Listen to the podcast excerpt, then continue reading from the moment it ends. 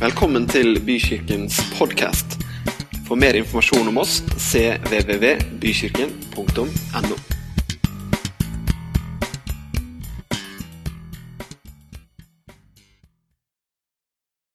Tusen takk for uh, introduksjonen. Det er, uh, det er jo sånn at når jeg ikke gjør det her til vanlig, så så ser dere kanskje nå også at jeg gjør noe du kanskje ikke har hørt om før i en søndagspreken i det hele tatt noen gang. I hvert fall ikke i en pinsemenighet. Og det er faktisk eh, min intensjon. Ikke fordi jeg tror at bibelteksten jeg skal berøre, er ukjent, men fordi jeg har hatt én voksende, litt sånn gnagende tanke om at dette er ikke en preken til deg som priser din frelser og skaper for at du setter vinen bort. For jeg vet at det er mange som er der i livet. Så dette handler ikke om at jeg skal lokke deg til å tro at nå er det noe helt annet du trenger.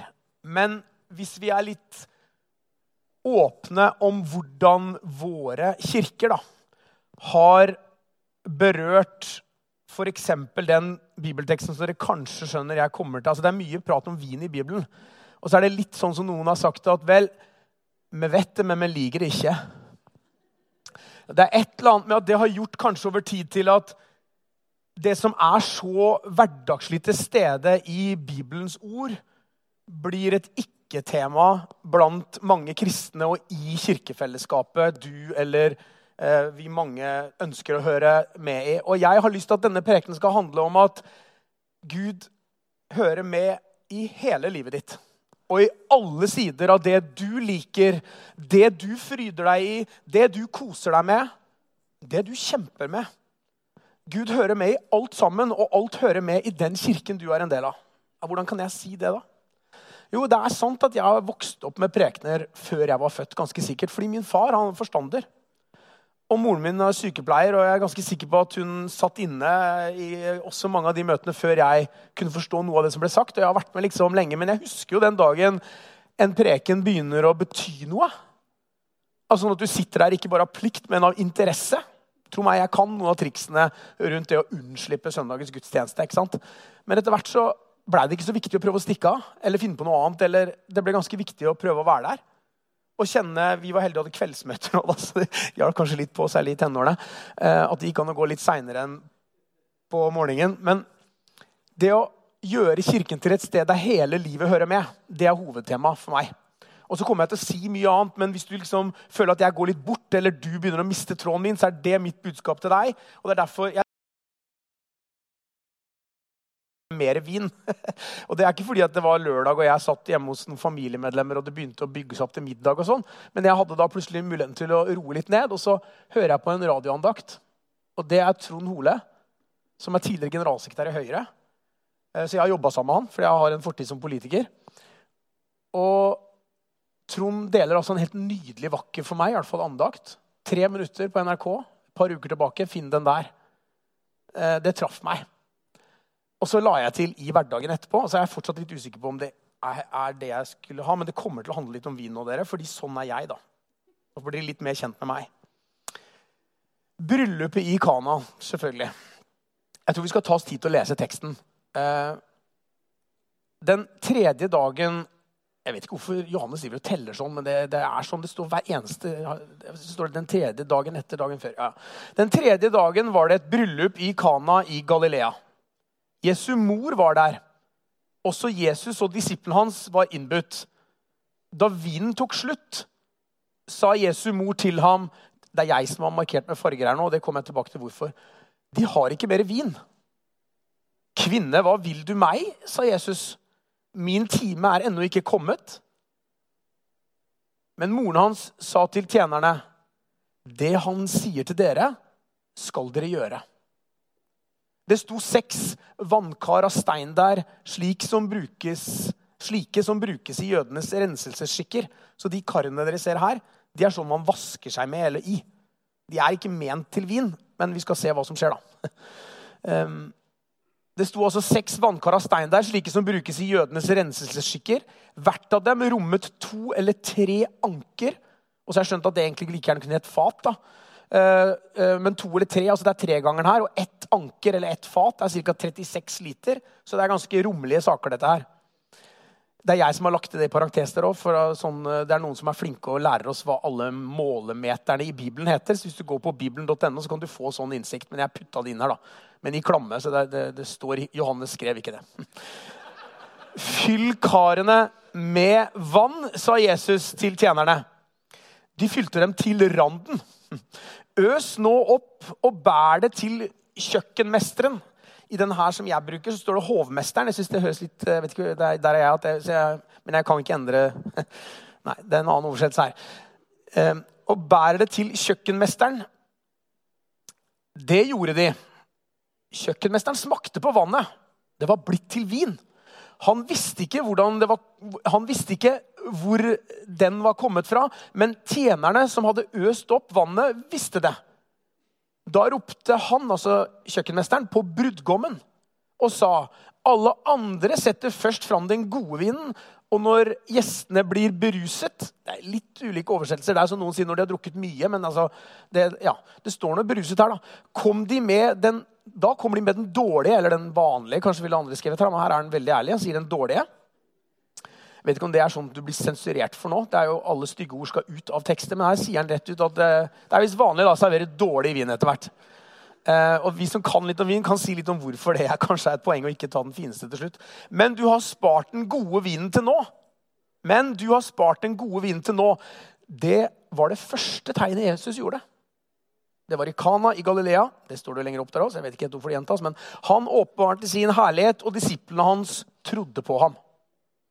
I denne ganske lille teksten her så finnes det altså et helt enormt rikt register av ting man kan preke over. Eh, men jeg tror at vi skal begynne med det jeg tror er eh, det aller viktigste, nemlig å bare se hva er det som skjer. En av de jeg, for det er jo litt sånn Når du har tenkt å preke over en tekst, så tenker jeg i hvert fall jeg da, at jeg må jo passe på at ikke jeg liksom har en eller annen tolkning som er helt ute. Så jeg tar jo sendsjekker litt med hva det andre sier.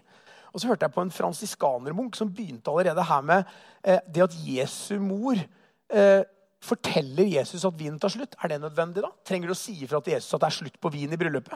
Er ikke han allvitende? Så han brukte masse tid på det. da. Det liksom, så det går an å grave seg ned i mye her. Eh, men det er klart Jesus visste at det kom til å gå tom for vin. Eh, jeg tror ikke han trengte at mammaen sa ifra eh, for å vurdere om han skulle gjøre noe. Men det er også sånn vi blir presentert at det er Jesu mor som tar opp dette. Hvem er de da? De er gjester i et bryllup. De har da ingenting med hva som serveres der. De er gjester der. Vi vet at Jesus har ikke kommet så kort. Han har jo allerede samla disiplene. så helt liksom, Han sier at 'min tid er liksom ikke ennå kommet'. Vi skal høre litt mer om hvorfor han sier det, men, men det er åpenbart noe på gang her. da. Jesus er litt mer enn guttungen. Han har ikke flytta hjemmefra ennå. Dere, dere, kjenner det her eh, historien om uh, italienere. De sier at de er veldig lik Jesus.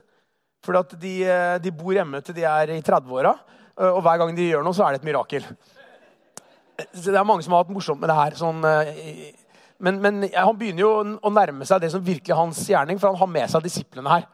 Og de er jo ikke med han for uh, moro skyld. Det er en, virkelig en, en, gjerning som bygger seg opp. Og det er et team som nå er samla. Dette er egentlig kanskje første liksom, ordentlige teamsamling. De får låne den ved å være i et bryllup. Uh, jeg vet ikke om det var veldig vanlig å invitere mange flere enn de man kjenner i bryllup. Men det jeg vet er at bryllup på den tiden varte i flere dager. Så ta med det nå når du ser disse voldsomme karene. Jeg tror ikke det var meningen å ta alt på én kveld. Men det var meningen at dette skulle være et sted hvor det ikke gikk tomt. Ikke sant? Hvor det var opplevelse av at du ble, og kunne bli bydd på noe. Og at det var rikelig av det. Bibelen er breddfull. Og vi hørte det eh, i bibelordet som ble tatt opp før her, også om overflod. Eh, vi kan gå i gammeltestamentlige tekster og se eh, i Sarepta, ikke sant? krukken. Det er egentlig ingenting der. Det er bare så vidt det er noe igjen til å lage ett måltid til. Og så er familien kjempesulten. Og så skjer det som ofte skjer når du går og lever i tro. Det er at den krukka den er altså i stand til å gi og gi og gi og gi. Og jeg kan ikke helt dy meg for at når Johannes velger å ta med denne teksten og dette bryllupet, så er det fordi han ønsker å fortelle oss noe, ikke bare akkurat det som skjer, men han har selvfølgelig et budskap med det. Og sånn er det når vi leser Bibelen. Det er veldig mye vi kan lure på om er det noe som faktisk skjer. Noen ganger er det jo dikt, så vi skjønner at det er konstruert sånn. Men ta nå på ordet teksten og jobb litt med den og se hva den gir deg. Så tenker jeg at det vi, det vi ser her, det er jo i hvert fall en som bryr seg om noe så på en måte hverdagslig som et godt gjennomført bryllup. Altså Jesus til stede i et helt hverdagslig liv. Og det var det Trond hadde som hovedtema. Han sa at det går an å høre på uendelige, lange utlegninger om denne teksten. Og jeg skal gi dere litt mer, for jeg tror vi trenger det. Men det viktigste tror jeg er å ta med det. Jesus til stede i hverdagen til folk, også i din hverdag. Helt ned til ett ord som slo meg, eller det er vel to, da. Det er Har du satt deg inn i en taxi, og så sier du at du vil et sted? Eh, og så sier sjåføren um, Han repeterer gjerne det, du, det stedet du skal. ikke sant? Og så er de blitt litt sånn i Norge at du kanskje avsluttes med ja, du vil til eh, det og det stedet. Ja, inshallah, det går bra. Ikke sant? Du, du får den. Inshallah, det går bra. Altså hvis Gud vil. Eh, og der I noen kulturer så er det så vanlig å ha med seg Gud inn helt i hverdagen. ikke sant? Det er jo ikke sånn at sjåføren tviler på om han er i stand til å kjøre dit han skal. Det er ikke så på lykke og fromme. Men det er et eller annet med at selv det hverdagslige jeg gjør, hører hører med i perspektivet av at jeg er en troende. Gud er en del av livet mitt. Og du kan takke for solen. Og du kan også takke for det regnet bringer. Du kan forbanne solen hvis det blir for mye av den også. Du kan bli opprørt. Du kan ta med deg alt til Gud. Og her er det et bryllup vi er i. En fest og et høydepunkt for noen. og En viktig anledning sikkert for alle som er med. De ønsker at det skal være vellykket. Og det ville ikke blitt vellykket hvis det Jesu mor, og ganske sikkert Jesus også, hvis de gikk tom for vin. Min time er ennå ikke kommet handler jo åpenbart om noe der Jesus også med denne teksten og Johannes som formidler den til oss, ønsker å si noe i en større sammenheng om hva som egentlig er Jesus sin plan. Og En av de tingene vi skal ta med oss, det er at et bryllup er nok ikke en tilfeldig setting valgt. Eh, og Nå skal vi snart bevege oss ut av denne teksten.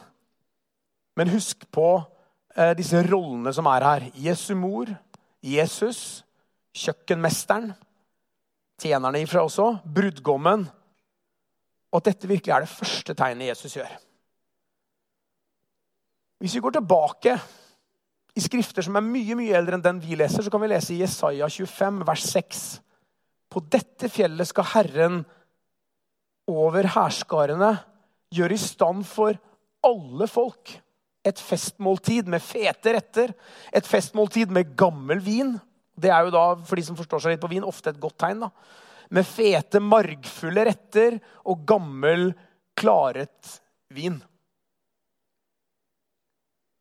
Dette kalles for Messias-måltidet. Og denne bibelteksten som Johannes bringer, den er jo ikke til hvem som helst som bare er på gata. Det er en tekst til menigheter som er etablert og som allerede har fått vokst litt. Er, det er gått ganske mange år siden eh, den helt første tid. Eh, man tror kanskje at denne bibelteksten er eh, opptil 50-60 år etter eh, Jesu levetid, ikke sant? som et menneske fysisk blant oss. Så, så det har på vokst opp menigheter, og det skrives til menigheter, dette. Så det er nok ment til et publikum som virkelig forstår litt av sammenhengen du skriver inn i. Og de som kjenner sitt gamle testamente, da, de vil jo kjenne godt til det løftet som ligger der om at eh, folket skal bli frie. Og det skal kunne gå an å feire en sånn skikkelig festmåltid. Så der bryllupet er en feiring av eh, en livsbegivenhet for de to og familien rundt dem, så er det akkurat som om Johannes setter oss nå litt inn i en sammenheng der det er ikke bare de, men også vi som er invitert inn til fest. Og det er ikke bare noen, men det er alle folk, står det helt tilbake til altså Jesaja sin tid. Vi snakker da mange, mange hundre år. Mange hundrevis av år før dette måltidet. Sånn er Bibelen, dere. Den trekker noen enorme tidsspenn for oss. Og så går den med mennesker gjennom alle disse generasjonene, og så lover den altså hele veien et festmåltid med margfulle retter og klaret vin. Jeg lar teksten i midten stå her fordi det er liksom utgangspunktet for oss i dag. i Johannes evangelium. Så legger jeg på en tekst til, og vi går litt fram i tid nå. Dette her har ikke skjedd ennå. Og det er Johannes en gang til som skriver, ikke for å vise tilbake til profetene, men han skriver det han selv får syn og forståelse av som skal skje en gang inn i framtiden. La oss glede oss og juble og gi ham æren, for tiden for lammets bryllup er kommet. Hans brud har gjort seg i stand, og han har fått en drakt av skinnende, rent lin. Linet er de helliges rettferdige gjerninger. Og engelen sier til meg, skriv, salige er de som er innbudt til lammets bryllupsmåltid. Og han la til, dette er Guds sanne ord. Dette er en invitasjon til oss alle. Vi er invitert til lammets bryllupsmåltid. Og vi forstår jo, som har vært for noen rakk opp hånda her, har vært i mange møter, men hvis du ikke har hørt det før, da, lammet er jo selvfølgelig bildet på den samme Jesus som gjør sitt første under i, i bryllupet. Så det er nok ikke tilfeldig at det er et bryllup og en bryllupsfest. Jeg tror ikke det er tilfeldig at han også adresserer brudgommen. og det var Noen som valgte å i sin utlegging av den teksten legge mye vekt på det også. Ikke sant? Eh, eh, Jesus gjør ikke noe eh, nummer av å skryte av at det er han som har gjort det. Han går ikke liksom inn center stage i bryllupet og liksom skaper dette. Det bare skjer, og det er bare tjenerne som vet det. Og så smaker det veldig veldig godt, og så får det lov til å stå i sentrum. Og brudeparet får lov til fortsatt å være brudeparet, og ingen andre ting tar eh, den fulle oppmerksomhet bort fra det som er viktigst der og da. Men det er klart at dette blir gjenfortalt. eh, og vi kjenner det den dag i dag. Men hvorfor adresserer han brudgommen? Det er kanskje akkurat der også. Kjøkkenmesteren går til brudgommen, og så er det akkurat som om det ligger en slags forståelse at det kommer noe fram her. Altså litt lenger ut i dette bryllupet, som er det beste man kan by på. Det er en overraskelse. Det er litt annerledes enn det som er vanlig. Og vi lever altså med et løfte om at den beste vinen, det beste måltid, det har vi en gang inn i framtida. Betyr det at vi skal sulte i mellomtiden? Jeg tror ikke det. For jeg tror det er meningen at vi skal kunne ta med oss vår Herre inn i hverdagen hver eneste dag og takke for gavene. Takke for erfaringene. Og få lov til å snakke åpent i kirken vår om hele livet. Også der hvor f.eks. vin er noe av det du eh, kan glede deg over. Eller der vin er noe av det du frykter og gruer deg for. Det hører med begge deler i et kirkefellesskap. Og Hvis vi blir så redd for det ene at ikke vi kan snakke om det andre, så skaper vi et kirkefellesskap som blir fremmed eller rart for noen. Og jeg tror vi må gjøre Kirken mye, mye større. Mye, mye større. For alle folk skal innbys til festmåltidet. Og Det er litt for å spenne ut at jeg har valgt å gå til et annet kirkesamfunn. fordi Det traff meg, dette sitatet av biskopen i Fyn. Hun har for øvrig akkurat gått av. Men her er vi tilbake i 2012, og hun blir sitert i en avis rundt julaften. hvor hun altså åpenbart har brukt denne tekten, og så sier hun sådan er dette vidunderet for meg. Hun ser det altså prinsipielt. Det er et fortegn for hele Jesu virke. Han gjør vann til vin. Det er jo mirakuløst, ikke sant? Men vi gjør titt, altså vi gjør ofte det motsatte. Vi mennesker. Vi gjør gjerne vin, altså det som er fint, vi gjør det til vann. Noe som er Ja, ikke sant? Han gjør vann til vin. Hun bare gjentar det for oss. Ja. Vi blir altså invitert inn til å tro og følge og se at det er noe løfterikt som skal skje. Og så må ikke vi spolere det. Selv om livet vårt mange ganger kommer til kort så må vi tro og håpe at det er en vei der vi kan få lære av det eksempelet og være med på å skape de gode opplevelsene. Og være med på å invitere flere til det lovede festmåltidet. Og Det jeg også ønsket å bygge litt videre på, da, det første er jo det å åpne kirken og gjøre den tilgjengelig. Og snakke sant om hele livet og alle sider av det. Og Det betyr også at jeg har ganske sans for de som jobber med å formidle Gudsordet på en sanselig måte. Altså, Tro er virkelig et spørsmål om å sanse, og her har jeg valgt ut to eh, som er eh, rikelig og flott illustrert. Og Det ene er Carvaggio, som maler sant, Jesus og tvileren Thomas. Han må liksom helt bort og ta på han. Og Jesus lar ham få lov til det. Jesus lar ham få lov til det. Jesus snakker mye om de som kommer til tro uten å ha fått lov å se. Og det er jo mange av oss som er der. Vi har ikke fått lov til å se sånn som Thomas gjorde. Men vi kan få lov å håpe og tro at Kirken og andre kristne er med på å gi oss muligheten til å få lov til nesten det samme som Thomas å ta på og føle på.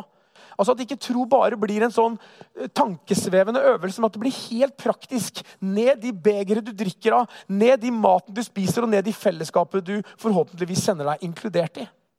Jeg tror på en sånn kirke som du kan ta og føle på. Som har tekstur, som har sånn som vi kan kjenne her, at vi pakkes inn i god musikk. Fordi vi lar talentene få lov å utfolde seg her. Fordi de talentene hører ikke bare hjemme borte fra kirken, der det er lov å klappe og heie, men de hører også hjemme her i kirken. Og når dere ser denne kunsten som vi har tatt opp her, ikke sant? Carvaggio, eller også en som heter Luca Giordano, som har malt da Isak. Og vi er tilbake i Det gamle testamentet. Hva er det Isak opplever og utsettes for? Jo, det er jo ikke sant? Han har Esau, den hårete sønnen sin, som er ute og jakter. Og så har han Jakob, den eh, ganske annerledes bygde, som er født rett etterpå. ikke sant? Som holder broren sin i hælen når han blir født. Så han kommer rett etterpå, men er alltid etterpå. Men så er han yndlingen til mor, eh, Rebekka. Og så er det sånn at de vil jo gjerne, når Isak, far, ligger på dødsleiet, så ligger de i denne tradisjonen at den siste velsignelsen er på en måte den som gir deg en helt spesiell plass. Og de ønsker jo at den velsignelsen at de når jeg sier det, det er av Rebekka og Jakob, de ønsker at den skal falle over den yngste sønnen, ikke den eldste. Så de lurer Isak. Men hvis de ser i teksten Vi skal ikke ta hele den teksten nå. Det er noe fascinerende, for det er som om teksten går gjennom sansene til Isak. Og noe av det som forstyrrer Isak, det er at han hører ikke Esau. Jakob har tatt på seg klærne til Esau, så han lukter som ham. Han har fått på seg en slags sånn uh, dyrepels, så, så, han kan kjennes ut som han. Dette er jo en døende mann, så han er svak. Han har, mange av sine sanser er i ferd med å svinne hen. Men hørselen er åpenbart intakt hos ham. Og han stusser, for han hører faktisk Jakob og ikke Esau jeg ønsker en kirke som er så sanselig at den vekker oss til å være til stede, sånn at vi òg evner noen ganger å stole på det vi hører, ikke bare det vi ser. Eller stole på det som eh, enhver som eh, blir servert vin, da, må tørre. ikke sant? Og ikke bare bli fascinert av vinkelneren eller bare bli fascinert av etiketten. Jeg har sittet på en av de flotteste vinslottene i hele verden jeg, og sett at eh, de måtte sende ut den ene flaska, for den var blitt korka. Det kan skje, det er naturlige ting. Det er ikke alt som er perfekt, og det kan gå gærent. Og det var ikke noe skam over det. Det var bare ikke sånn den skulle være. Den var ikke et ordentlig eksemplar av det det slottet ønsket å være bekjent av. Så de tok den selvfølgelig raskt ut, og så kom de inn med en som ikke var korket. Har du turt å si ifra sånn? Du skal gjøre det. For du skal ikke finne deg i å drikke noe som er dårlig, hvis du har betalt for og også er et sted som er stolt av å kunne servere god vin. Men du må stole på sansene dine hvis du er der. Og jeg tror Vi skal tørre å snakke om en kirke også som bygger oss opp til å ha sanser i, i, i, stort spenn. Sånn at vi med hele oss kan tro og kjenne at vi hører Gud til. Og Da vil det for noen være sånn at det har med ting de kan ta og føle på å gjøre, ting de må forme, ting de ønsker å bygge fysisk med hendene. Mens for andre så er det det de trenger å lukte. Eh, og Har dere vært i sånne gudstjenester hvor noen bare eh, føler for det og begynner å danse?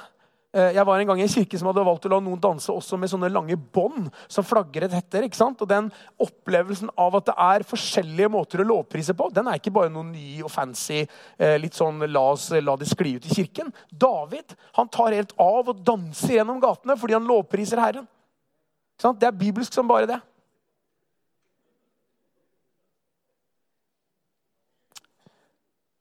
Hvis du skal lære deg å bli kjent med vin, så handler det først om å se. Ta deg tid til det. Så handler det om å lukte. Og så handler det om å smake. For Isak så handlet det om å stole på hørselen, ikke bare teksturen eller smaken av maten han ble servert. Til og med der klarte de faktisk å lure ham, for det var jo ikke viltet som Esau skulle komme med de serverte, men det var altså husdyra de hadde der. Så, så, det begynte å bli dårlig med sansene hans, men hørselen var altså intakt. Men han stolte ikke fullt og helt på den. Ok, jeg har en eh, tanke til som traff meg i møte med denne bibelteksten. her, og det er denne, at Vi er også i et ganske så, for menneskelivene generelt, en ganske så hverdagslig sammenheng. Men det er litt sånn at vi mange ganger velger å prøve å gjøre det som er Gudsordet, da, til noe som skal angå de, liksom, de krisehendelsene i livet. Liksom, da skal man ned på kne og be. Da hører liksom Bibelens budskap med. Og det er ingenting galt i at den dagen du ikke har noe annet, så tyr du i hvert fall til det. Og møter du tigeren, så for all del be. Det er ikke så mye annet du kan gjøre. For all del i hvert fall stå stille, ikke prøv å springe. Ikke prøv å være menneske i møte med helt uovervinnelige ting. Da trenger du Herren. Men det vanlige er jo ikke at du som menneske er satt i sånne situasjoner. Det vanlige er jo at det er vegglusa eller sengelusa som tar deg. ikke sant? Det er den som biter litt hver eneste dag. Det er den som gnager og gir deg alle irritasjonene som driver deg vekk fra den gode søvnen, eller hva det enn er du trenger. Og hvis troen aldri hører hjemme der i den hverdagen, så må det liksom en livskrise til da, for at du skal komme til kirken. Sånn bør det jo ikke være.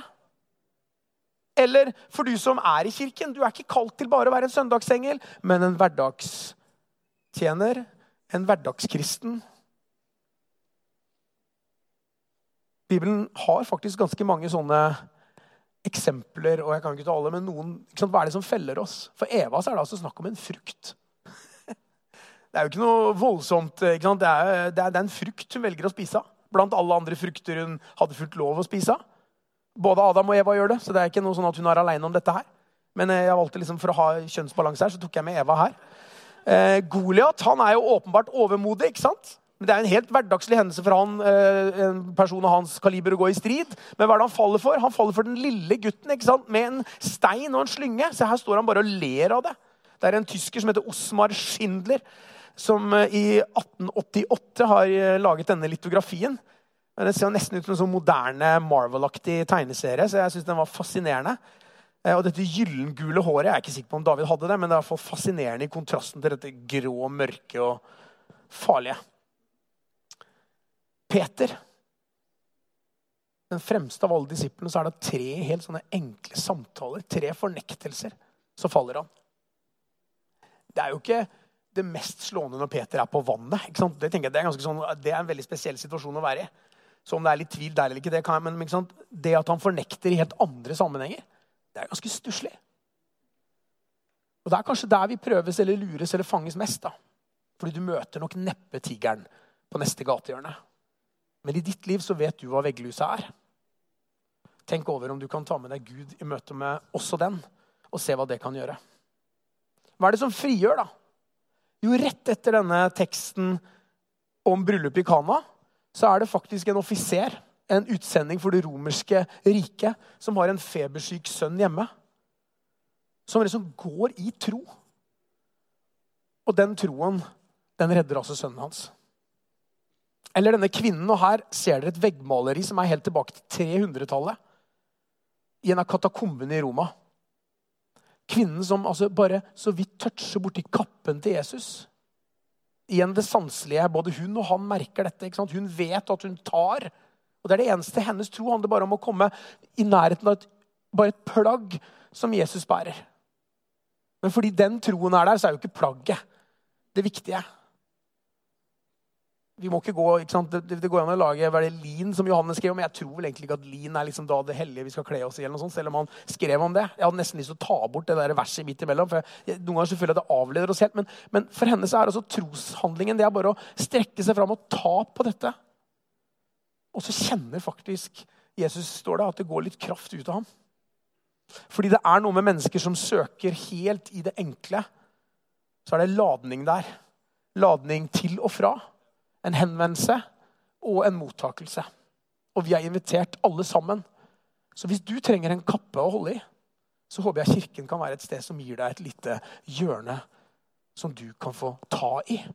Ikke bare en preken som jeg holder nå, der ordene fort kan stå i veien for bildene. Eller alt annet sanselig. Men jeg har nå prøvd da, å krydre dette litt opp. Jeg tok med Thomas og jeg igjen, fordi det er jo et eller annet med at Thomas tviler inn. Han er jo så farlig nær. Han har altså gått så tett på. Han har liksom, han har virkelig fått levd hverdagslivet, og likevel så går han og tviler. Han får jo få lov til å bli overbevist. da. Men det er ikke nødvendigvis det voldsomt dramatiske til eller fra som uh, gjør det største inntrykket på Thomas. Det er det å bare få være helt nær. For han har jo sett mirakler, alt, så hvorfor skulle ikke han bare bunnfast tro? Jeg tenker at det er en invitasjon til oss om å tro det for noen, og det tror jeg for mange, det er faktisk en gave. Vi må ha respekt for at den gaven er ikke gitt alle. Altså Det å få effekten av tro er en gave som er tilgjengelig for alle. Men det å veldig lett kjenne at man tror, det er ikke noe alle får. Derfor er det for mange en kamp å komme til kirken. Og Jeg skal bringe oss litt i møte med kanskje det også. Fordi det er i vinens verden da, veldig mye diskusjon om terroaret, jordsmonnet. Og så finnes det noen som sier at det må da være mer enn bare det som er nedi jorda, som avgjør hvor fantastisk vinen blir. Men den franske kultur særlig er hyperopptatt av terroir. Derfor valgte jeg å bruke det ordet her, for liksom å ta dere med nesten til Frankrike. Men eh, bare over fjellene på andre siden eh, av Alpene så har du landet Italia, der de er mye mer opptatt av det de kaller ambiente. ikke sant? For Vinen er jo ikke bare det som kommer opp av jorda, men det er jo de menneskene som har laget den. Så er det den fantastiske plassen hvor du får lov å smake på den, og så er det alt det vakre, frodige, fine eller kanskje tørre karrige, hva vet jeg. Men liksom alt det som opplever kanskje menneskene du drikker den med. Hvor mange har ikke opplevd det at de smaker noe som er godt, og så noterer de ned, og så kommer de til kalde Norge vekk fra denne deilige Syden-situasjonen de var i. Og så går de og så får de tak i det samme som de hadde smakt eh, i det gode, tempererte, deilige. Og så kommer de hjem, og så er det ikke det samme i det hele tatt. Det er veldig mye av sanselige opplevelser som handler om hvem vi gjør det sammen med. Og Derfor så tror jeg at det å ha et bryllup som en setting, det er en understrekelse av at Gud kaller oss også til et fellesskap. Han kaller oss til å få lov å nyte det Herren har å gi, sammen, fordi det forsterker. Det er vanskelig å gå gjennom hele livet alene. Du vil alltid, ja, kunne tro at du har ham ved din side. Men hvorfor ikke investere litt mer da? i å kjenne på hele fellesskapet? Er det forresten noen her som kan tenke seg hva slags vin dette, Det er noen som har gjort det til en Instagram-profil og bare deler bilder av ting som er da bestanddelen i smaken av en vin. Jeg skal ikke oute deg som vinkjenner her nå, men jeg kan si at det her er ment å illustrere vindruen Nebbiolo. Og da er vi jo i Italia. ikke sant? Så Nebbioloen den har liksom innslagene av disse tingene her. Og Den kan komme fra fancy områder som Barollo, og da koster den mye mer enn når man kommer fra Lange. Sånn er det bare i vinens verden. Men ambiente betyr altså noen ting, og terroir betyr noen ting. Bibelen har også akkurat dette. Bibelen snakker om eh, hvor såkornet faller. Og jeg kjenner at den bibelteksten er vanskelig, fordi er det altså noen som aldri kan komme til tro da, fordi at deres jordsmonn er så dårlig. Kan vi ikke gjøre noe med jordsmonnet? Er vi ute av stand til det? Er noen mennesker bare evig dømt til å være så karrig jord at ikke det kan bli til noen ting? Det er utfordrende med sånne bibeltekster. Andre så er det liksom som at det bare gror med en gang. Spirer opp, men det er kanskje ikke så robust. Bibelteksten er der og jobber litt med vår forståelse av jordsmonn. Så vi kan ta med oss det. Det er jo virkelig en sanselig bibeltekst. Jeg tenker at eh, Kirken trenger å snakke åpent om hele livet, og at livet for mange handler om jordsmonn. Det handler om følelser og stemning og alt det som pakker livet inn, og det kan variere. Og Kirken må være til stede i alt det som er både utfordrende for jordsmonnet og rikt for følelseslivet. Og dekke hele det spennet. En av de opp gjennom kirkens historie som jobber mest med denne type tema, og virkelig har formet generasjoner senere, er jo Thomas Akinas. Han har jobbet mye med det som de som liker latin, fides et ratio, altså tro og rasjonalitet. Og Den bibelteksten vi er inne i nå, den kunne jo kanskje ta deg helt bort fra alt som virker rasjonelt hvordan i all verden kan vann bli til vin? Vet du, Det er akkurat det som skjer ute i naturen. Den viktigste forutsetningen for at du kan produsere vin av noe som helst, det er at det er tilgang på vann, og at vann håndteres på riktig måte. Vår Herre har selvfølgelig en anledning til å kondensere hele den prosessen, så det skjer ganske fort her. Men det er ikke nødvendigvis sånn at det at vann er en helt essensiell og viktig bestanddel i det å få vin, at det er noe helt fjernt, at det er tatt helt ut av alle naturelementer. Vin og vann hører sammen. Hovedbestanddelen i vin er vann. Og når vi våger å la alt det talentfulle hva Herre har gitt oss, av intellekt og av evner, så er det ikke sånn at vi inviteres i tro til å forlate det som er menneskelig talent. Eller forlate det som har evne til å være kloke og stadig rikere på forståelse og jobbe med det intellektuelle. Thomas Akinas han hjelper oss til å se at disse tingene kan forenes. Når han sier, og igjen, det er, det er, fordi at han sier det på latin, at det var litt morsomt å ta det med, men vi kan vel gå rett Jeg gikk via det engelske her. er Grace does not remove nature, but fulfills it. Altså Nåden den tar ikke bort hele livet ditt som menneske. Det er ikke det den handler om. At det at du har fått nåde, så er det ikke lenger menneskeliv rundt deg. Men det skal hjelpe deg til som menneske å få et rikere liv. Det er det som er hensikten et rikere liv der talentet ditt sammen med Gud og i tro på Gud kan få lov til å bli en dobbelt hyllest. da. En hyllest av at du har fått rike evner, men at det også kan være ham til ære. At du har et talent som gjør at du kan få andre til å fenges av musikken din eller av stemmen din eller av dansen din, det er noe du kan ta med deg Gud i. Og det hører med. Ham til ære, andre mennesker til gagn. Sånn er vi invitert til et hverdag med trosliv.